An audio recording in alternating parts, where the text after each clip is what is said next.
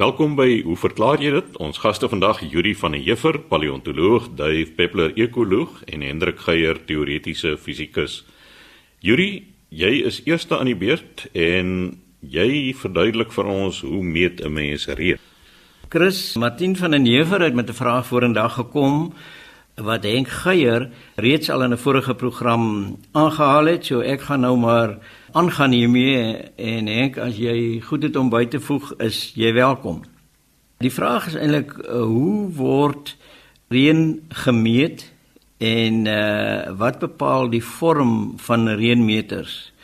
En uh, dit is nogal belangrik vir die mens om reënval te meet.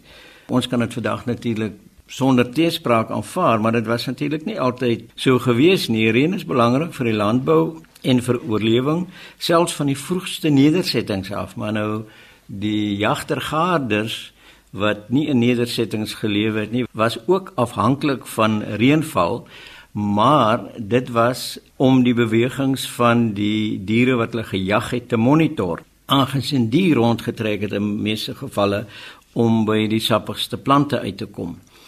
Sedert die mens teen ongeveer 10000 jaar gelede in nedersettings begin bly het en dan ook landbou begin beoefen het, het dit krities belangrik geraak om te weet wanneer en hoeveel reën op pad is.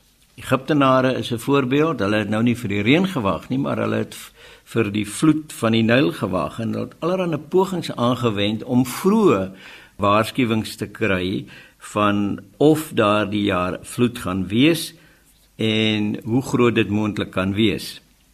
Nou die eerste reënvalmeters is deur die Grieke ontwikkel omtrent 500 jaar voor die huidige era. In Indië is dit omtrent 400 jaar voor die huidige era in gebruik gekom omdat hulle uh, groot graanproduksie gehad het en daarom moes weet wanneer om te plant en te ploeg. En Korea was die eerste land na my wete wat in 1441 'n standaard reënmeter ontwikkel het. En die inligting is uitgestuur na al die verskillende provinsies en die hoofkantoor, die administratiewe hoofkantoor van elke streek moes noodgedwonge een van die standaard reënmeters hê. Nou nader aan ons tyd is daar sterk ontwikkeling van reënmeters gedoen in Engeland. En 'n kerel met die naam van James Watson Simmons was nogal 'n uh, belangrike figuur in die verband alhoewel ander mense ook daaraan gewerk het. En hy het eksperimente en eksperimentele reënmeters in sy tuin opgestel om nou 'n standaard reënmeter te ontwikkel. Die standaard reënmeter is min of meer teen 1900 ontwikkel. En wat hy gedoen het is om 'n apparaat te maak gewoonlik van koper 'n uh, trechter wat op 'n breër onderstuk pas en die staan op 'n pen wat omtrent 30 cm bo kan die grondoppervlak was en binne in die onderste houer was daar dan 'n addisionele buis van omtrent ek dink 2 duim in deursnee. So die water het nou in hierdie trechter geval wat 'n spesifieke deursnit gehad het, deurgeloop na die buis toe en wanneer dit so baie gereën het dat die buis oorgeloop het, dan het die omringende houer die oorige water opgevang en die kon dan later ook in 'n uh, standaard houer ingegooi word om dan te sê daar het soveel of soveel reën geval. Nou wat ek nou beskryf het is die standaard reënmeter wat mense kry, maar daar's baie ander soorte ook. Mense kry 'n ding met die naam van 'n pluviometer en dit is 'n apparaat wat direk die hoeveelheid water wat in die instrument inkom aanteken op 'n grafiek wat reeds al gekalibreer is. So mense kry dan 'n stuk papier of karton wat in die instrument is en die gee dan vir jou 'n streep op die grafiek om te sê hoeveel water uit die hemel neergedaal het. Dan kry 'n mens 'n weegmeter. Dit weeg die hoeveelheid water wat geval het om dan so by 'n berekening uit te kom.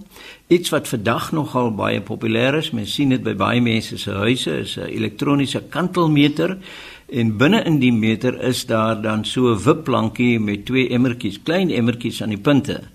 En die is so opgestel dat wanneer daar water in die reënmeter inval, loop dit in die emmertjie, dit kantel een kant toe en spoeg dit uit in 'n bakkie en dan is die oorkantste emmertjie van die wipplank weer gereed om water te ontvang. So dit kantel heen en weer en die water word dan versamel en elektronies gemeet en dan kan mense ook dit nou as 'n draadloose verbinding met 'n metertjie of 'n wyserplaatjie in jou huis langs jou uh, gerieflike stoel by die televisie opstel so jy kan heeltyd op die skerm sit en kyk hoeveel reën buite val. Snaaks genoeg kry mense ook 'n akoestiese reënmeter en dit is een wat sensitief is vir die geluid wat 'n druppel water maak as dit in die onderste water val. So die, die grootte daarvan bepaal dan die klank. So hier het jy 'n ding soos 'n hidrofoon. Dit werk op die klank wat die druppels water maak en dan vir jou 'n lesing gee. Nou 1 mm reën beteken dat daar op elke vierkante meter 1 mm diep water geval het. En 1 vierkante meter is 1000 mm by 1000 mm en dit beteken dan 'n liter water op 'n vierkante meter. So elke vierkante meter ontvang dus 1 liter water 1 mm diep. Nou die versamelstuk sê die literatuur wat mense nou gebruik vir so 'n reënmeter behoort eintlik 10 maal die area van die buis te wees. So een van die bepalinge wat 'n mens kan doen is om die deursnit van die houer aan die bokant te meet en die deursnit van die houer aan die onderkant en dan kry 'n mens die gemiddeld van die twee metings.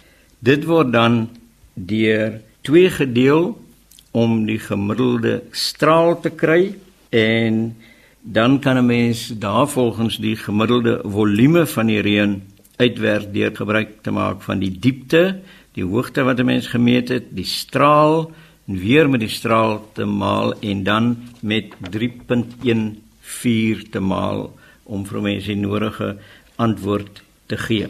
So Martin, ek hoop dit help. Yuri, ek was onlangs in die reënwoude van Borneo en ek dink nie een van die kartoeters wat jy beskryf het sou help nie. Borneo ontvang 5 meter reënval per jaar en daar is geskat dat die storm wat ons in was 500 mm in 2 en 'n half uur losgelaat het. Ek dink nie enige apparaat sou dit kon meet nie. So sê Yuri van der Heever, paleontoloog, Hendrik Geier, teoretiese fisikus. Hendrik, jy het so 'n paar vrae saamgevoeg daar, maar die eerste ene is 'n luisteraar wat wil weet maar hoekom tap ons dan nie sommer elektrisiteit uit die kosmiese agtergrondstrale nie. Chris, die gemeenskaplikheid aan die twee vrae waarna ek wil aandag gee is inderdaad elektrisiteit. Die eerste ene waarna jy verwys het Chris kom per e-pos van Rich Putter af. Die tweede van iemand wat na haarself verwys het as Marita, sy kom van Pretoria af en haar vraag handel oor 'n uh, sensasie wat sy as 'n fietsryer ervaar wanneer sy en mense wat saam met haar ry in die veld onder hoogspanningsdrade deurry. Maar kom ons begin by Rich Pitter se vraag. Chris, dit lyk vir my dit is die spooke en die realiteit van beerdkrag wat hom desperaat maak en hy begin wonder of 'n mens nie dalk 'n bietjie elektrisiteit min of meer uit die lug kan tap nie. Maar hy praat hier van elektromagnetiese golfresonansie. Nou het hier 'n paar dinge wat hy hier aan die orde stel, maar die belangrikste hiervan is die vraag of 'n mens nie die kosmiese mikrogolf agtergrondstraling kan gebruik om elektrisiteit op te wek nie. Nou soos hy hier skrywe, praat hy van 'n uh, 160 gigahertz golwe wat deur die atmosfeer tot op die aarde se oppervlak kom en uh, hy het in gedagte dat 'n mens nou antennes opstel om uh, soos hy sê hierdie wisselstroom af te verdeel na 50 hertz en dan ooreenkomstig ten minste 'n battery kan laai. Nou Rich ek is bevrees dat die frekwensie waarvan jy hier praat en die frekwensie van wisselstroom twee verskillende dinge is. So kom ons begin net weer om onsself te herinner oor wat die kosmiese agtergrondstraling is. Ek het al 'n paar keer in detail hieroor gepraat, maar kort dink ek is een van die beste beskrywings om dit te noem die nagloed van die oerknal. Hoekom noem ons dit so? Wel, in die vroeë heelal by baie hoë temperatuur was die temperature so hoog dat dinge soos atome eenvoudig nie kon vorm nie. Dit was te warm byvoorbeeld vir 'n enkele proton en 'n enkele elektron om 'n waterstofatoom te vorm wat stabiel is. Onder daardie omstandighede in daardie oersop waar dan nou sulke dinge soos protone en elektrone en fotone was, word fotone baie maklik weerkaats van die ander elektries gelaaide deeltjies en kan hulle nie maklik uit daardie sop ontsnap nie, maar na mate die heelal uitgedei het en uiteindelik min of meer 'n temperatuur van 3000 Kelvin. Onthou, Kelvin word van 0 af gemeet. 0 grade Kelvin is minus 273 grade Celsius. So mens moet nou altyd daai sommetjie maak, maar 3000 grade Kelvin is min of meer 2700 grade Celsius. By daai temperatuur is dit koud genoeg dat protone en elektrone uiteindelik stabiele waterstofatome kan vorm en die goed het 'n baie kleiner invloed op die fotone wat daar rond beweeg en gee hulle die kans om uiteindelik dan te ontsnap en dis daardie fotone wat in die oorspronklike oersop was waarvan ons praat as ons praat van die kosmiese agtergrondstraling nou reach die frekwensie waarna jy verwys het daarmee te maak dat as 'n mens nou vra vra oor die aard van hierdie fotongas dan kom jy agter dat dit soos 'n sogenaamde swartstraler opereer.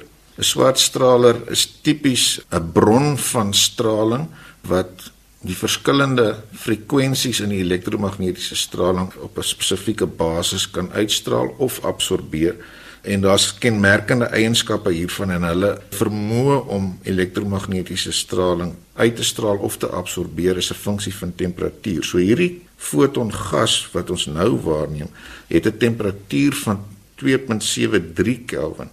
So dit is die resultaat daarvan dat die heelal dermate uitgedei het dat daardie temperatuur van 3000 grade Kelvin waar die fotone as dit ware losgelaat is in die heelal met die uitdaging afgekoel het tot by die huidige punt. En die 160.4 GHz frekwensie waarvan ons praat, verteenwoordig die piek in hierdie swartstralingsgrafiek. Kom ons sê maar op 'n manier is dat die gemiddelde frekwensie geassosieer met hierdie fotone. Daardie frekwensie vertaal natuurlik na 'n spesifieke golflengte toe. Maar dit het niks te maak met die frekwensie wat tipies in in wisselstroom ter sprake is nie.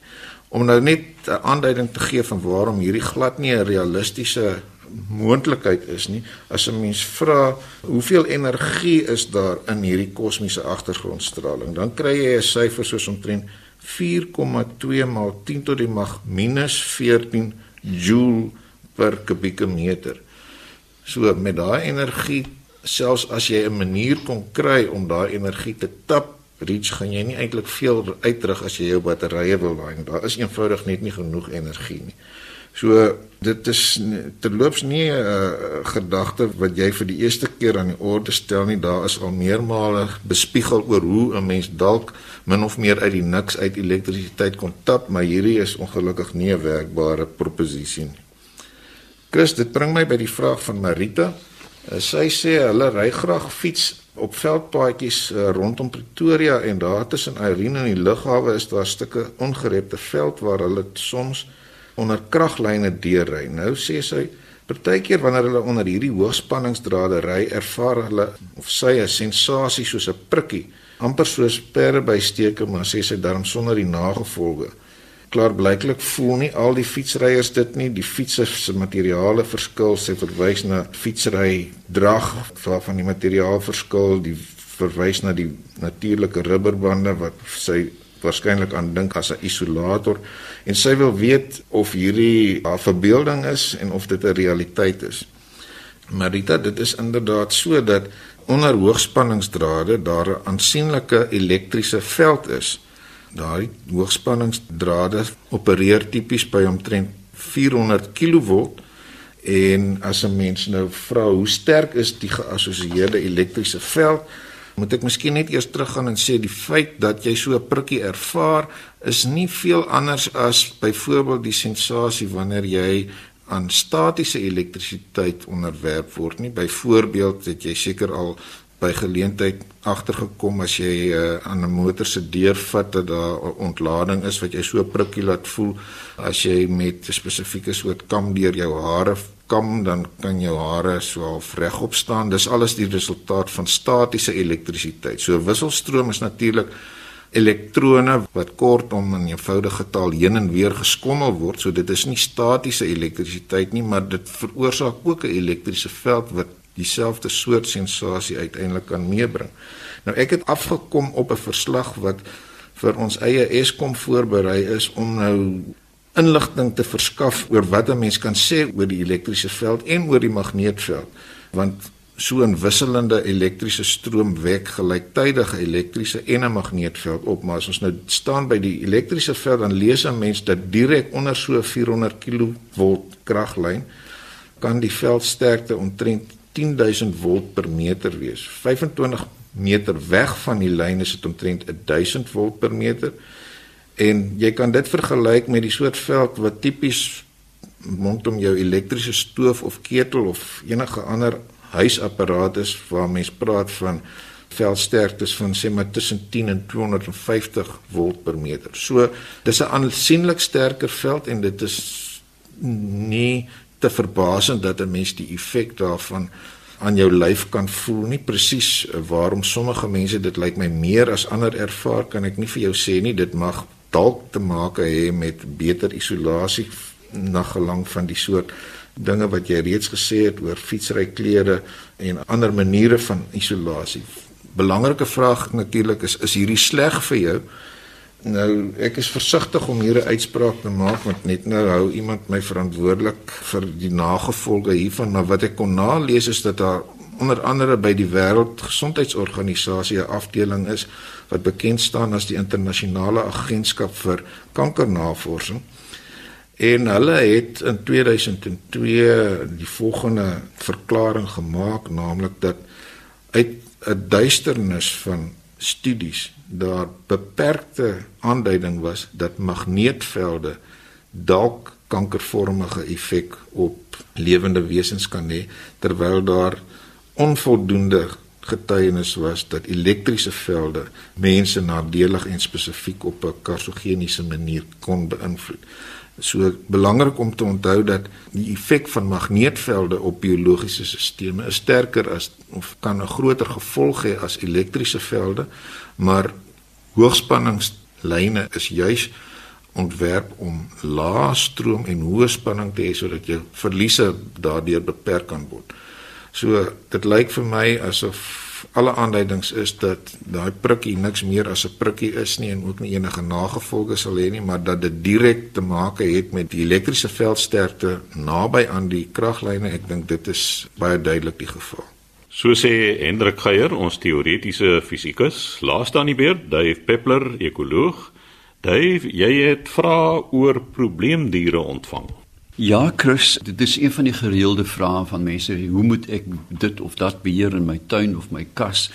En ehm um, ek sou graag wil begin met 'n interessante voorbeeld voor ons by definisies uitkom. Toe ek jong bosbouer was, was my eerste bosboustasie Kluitjies Kraal naby Woolsley. As 'n uh, verbeterde nuuskieriger het ek toe die um, argiewe net begin deurblaai en afgekom op hierdie wonderlike storie in 1913 was daar 'n uitbraak van Nodorelia cytheria. Nou dit is 'n mot waarop professor Geertsma sy PhD gedoen het wat dennenaalde of dennebome dan ontblaar of ontnaald. Die gevolg op die bome is natuurlik dat die die verspreiding van die jaringe word geïmpakteer en dit reflekteer dan weer in die houtkwaliteit. En daai dae was daar nou nie 'n uh, handige gif nie en iemand sê toe bal, miskien moet hulle 'n klomp varke aanhou om dan die papies van die mot te beheer. Hulle het toe wel, ek dink dit was 20 windsnyers en 20 kolbroeke. Pragtige windsnyer is 'n vark wat so maar is dat jy hom net in profiel kan sien. En die uh, kolbroekvarke kom natuurlik van HMS Kolbroek wat gestrand het aan die suid kus en toe die varke en ek dink 'n paar prostituie van Australië het uitgeswem en uh, beide het toe gevestig. Maar hoe dit ook al sê, die varke is toe in groot hokke aangehou en vir 2 weke net semels, dit was 'n groot Babelse geraas van hongersnood en toe is die sluise of hekke oopgemaak en die varke het die plantasie ingevaar en vir die volgende paar dekades die plaag deeglik beheer. Ongelukkig het hulle toe wild geworde varke. Hulle toe begin versprei en oor die berge na voelvleise kan toe begin uitbrei waar tot vandag toe daar reuse probleme is een met boere dat hulle pasgebore lammetjies opvreet dat net die kloutjies oorbly maar baie meer belangrik dat die hoogbedreigde suurpootjie skilpad hulle grawe die eiers uit en jy kan dink so 'n vark se suurpootjie as 'n versnaperingkie sien so 'n tipiese voorbeeld van welwillendheid wat ontaard het in 'n reuse probleem meer as 100 jaar later Dave, daar's 'n storie wat ek gehoor het dat ek net by jou wil verifieer. Is dit so dat hulle teen ongeveer 1932 gedink het dat die varke se bloedlyne bietjie moet verbeter word? En toe het hulle Europese swyne ingevoer om te teel met die varke en dit het hulle nou 'n bietjie meer aggressief gemaak. Ek is deeglik bewus, ek het 'n lang studie gedoen. Ek het natuurlik die varke geskiet, hoofsaaklik om hulle lekker ribbetjies in boude, maar ook dan 'n bietjie navorsing gedoen en ek het van die skedels uh, voeders gestuur na Europa en dit is baie duidelik dat daar sterk wildswyngene is. Nou ja, kom ons dan by 'n definisie, 'n pes of 'n probleem is 'n 'n lastige of 'n destruktiewe persoon, dier of ding. Nou dit is 'n organisme Ek vermoed daar is ook indringermense, maar ons sal later daarby kom. Organismes dan wat geklassifiseer word as peststofprobleme omdat hulle groot skade aanrig aan die landbou, aan mede-wildlewe of natuurlik 'n kombinasie van hierdie drie. En dan dink 'n mens nou aan goed soos luise en bosluise en Trypanosoma, maar ek dink dit is baie belangrik om te gesels oor waar kom probleemdiere vandaan.